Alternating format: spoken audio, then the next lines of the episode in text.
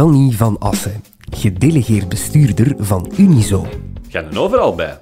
Normaal vind je hem op de derde verdieping achter zijn bureau, maar vandaag werkt hij ergens anders. Oké, dan vliegen we erin. Hij kruipt eenmalig in de kelders van het hoofdkantoor van Unizo, op zoek naar afval. Wah, stinken. Gooien mensen toch allemaal weg? Spullen die we massaal weggooien, maar die ondernemers kunnen hergebruiken. Maar allee. En dat gaan we doen in deze podcast. Eens, een sigarettenpeuk. Iedereen Circulair. Een podcast van Unizo over het circulair ondernemen. Neem je peuk nog maar eens. Dan kun je zo'n vervolg zo vervoeren. Hè. Met deze week Fresh Tray uit Heus de Zolder. Ik ben Maarten Klaas, dus zelf zaakvoerder. Ik heb uh, opgestart in januari 2020. Wat wij doen is eigenlijk het verzamelen en recycleren van de sigarettenpeuken.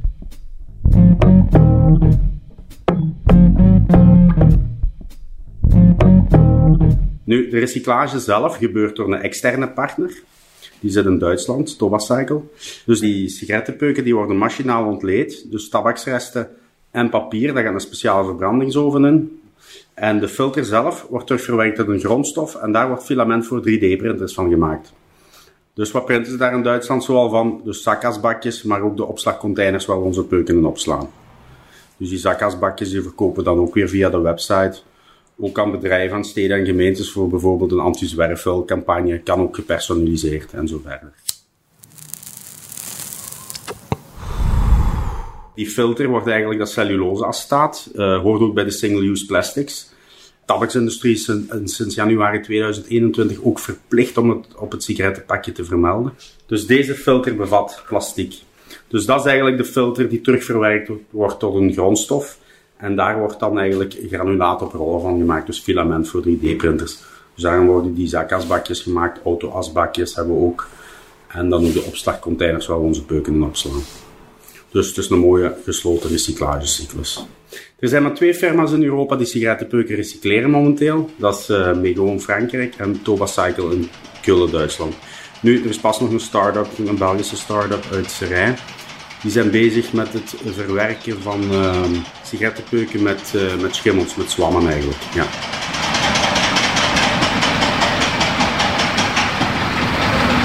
De peuken moeten natuurlijk ook in een heel goede staat zijn om te recycleren. Mogen natuurlijk geen smullende peuken zijn, daar kunnen we niks mee doen.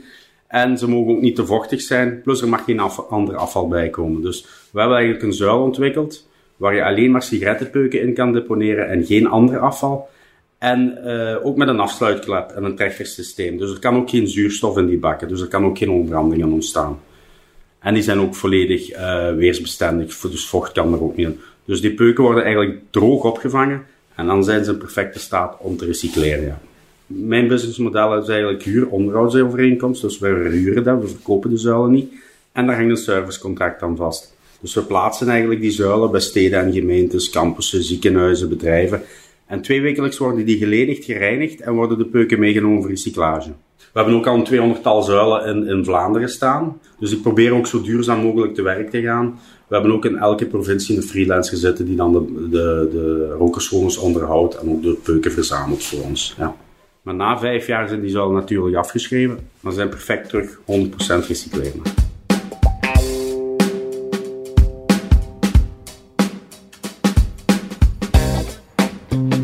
Voilà, dit is dus de Fresh Tray. Um, heeft een capaciteit van 2500 peuken. De zuil is vervaardigd uit RVS 3 en 6. Um, is ongeveer een meter 20 groot. Hier heb je aan beide kanten een disposal unit, waar je alleen maar sigarettenpeuken in kan deponeren en geen ander afval. En aan de zijkant zit een deurtje. Achter dat deurtje zit een cassette die tot 2500 peuken kan opvangen. Dus die worden dan twee wekelijks geledigd. De zuilen worden ook professioneel gereinigd. Ook op een eco-vriendelijke manier. Um, en de peuken worden dan verzameld om daarna naar Duitsland te gaan voor de recyclage. Ja. Dus die opslagcontainers van 65 liter, die kun je volledig luchtdicht afsluiten. Dus we hebben een kabinetje op CNG, aardgas. Het is een duurzame manier, maar momenteel heel duur. en daar worden dan die grote vaten in gestockeerd. En deze kunnen we ook weer luchtdicht afsluiten. Ja, dit zijn er ongeveer een... 100 liter, dus een 400.000 die er nu in zitten. Ja. En we verzamelen ongeveer een 2,5 miljoen peuken per maand, momenteel. In Vlaanderen belandt er uh, ongeveer een honderdduizendtal peuken per dag op straat. De lijst van Overam zegt 15 tot 20 jaar. Maar natuurlijk, die microplastic, het verdwijnt met het blote oog, maar de microplastics gaan voortleven. Dus in principe vergaat een peuk niet. Nee.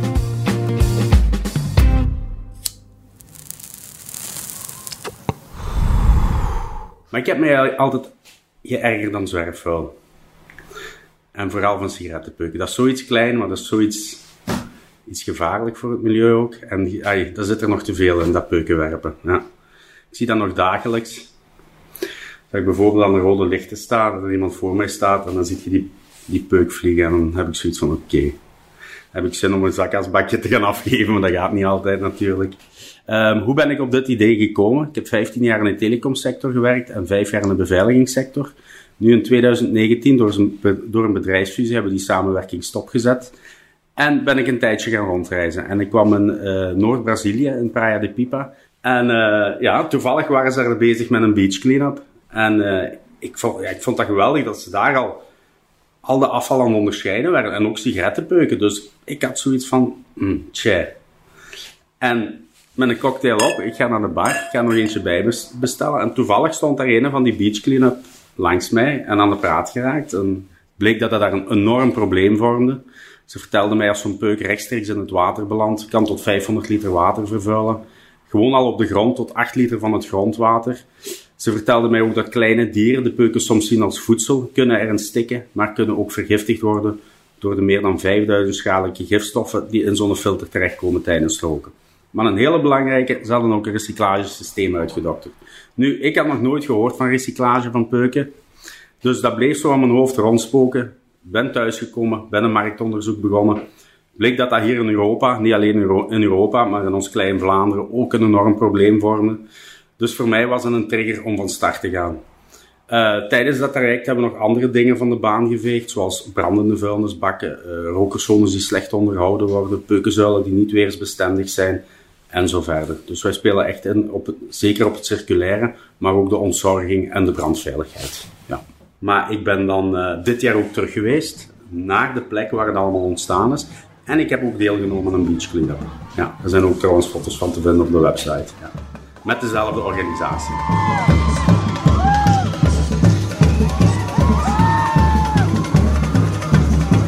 We hebben dus ook de, de, de of de pole fresh tray. Uh, waar je dan ook de polvraagjes kan aanpassen. En dat je ook het level van de peuken ziet zitten. Uh, die bieden wij aan festivals aan in combinatie met de zakasbakjes. En de zakasbakjes kan je dan ook weer ledigen in die uh, polfresh trays. Dus elke container heeft eigenlijk een, een, volume van 1800 peuken, dus in totaal 3600 peuken. En hier kan je dan de signalisatie aanpassen. Wie drinkt vandaag de meeste pintjes? Wouter of Laura. En dan zie je hier dus het level zitten.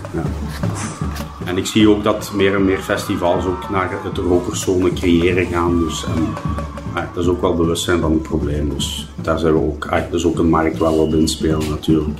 Dus je ziet, de doelgroep is heel uitgebreid. Ja. Wij doen ook, we bieden verschillende pakketten aan, ook met een sensibiliseringsactie. Dus dan gaan we ook komen met drie mensen, dus één in dat peukenpakje en dan twee mensen die gaan sensibiliseren.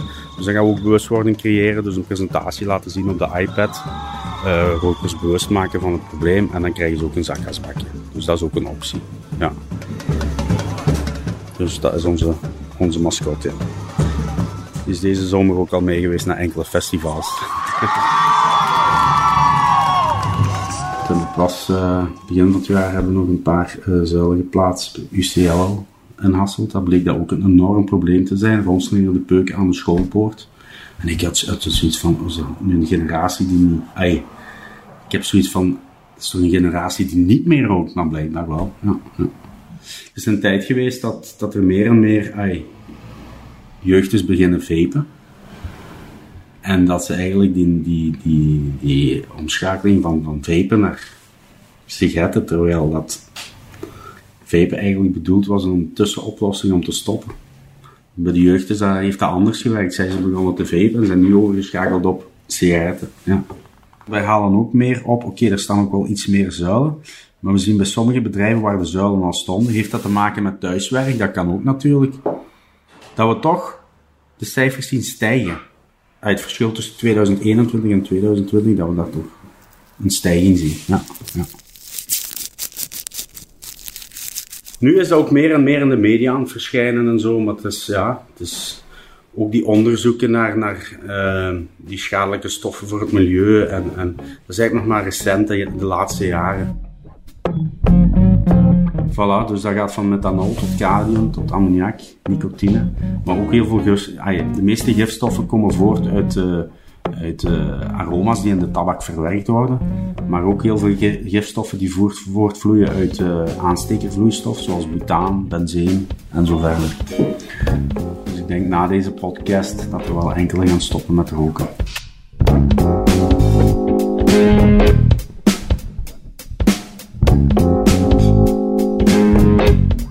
Iedereen Circulair is een podcast van Unizo voor de Dag van de Ondernemer. Deze aflevering werd gemaakt door Laurens Bervoets en Babette Plessers. Iedereen Circulair wordt mogelijk gemaakt door onze partners Vlaio, Liantis, KBC, Proximus Business, Sodexo en Meta. Wil je iets kwijt over deze podcastserie? Stuur dan een mailtje naar podcast.unizo.be. Heb je een vraag voor of wil je lid worden van Unizo? Surf dan naar onze website www.unizo.be.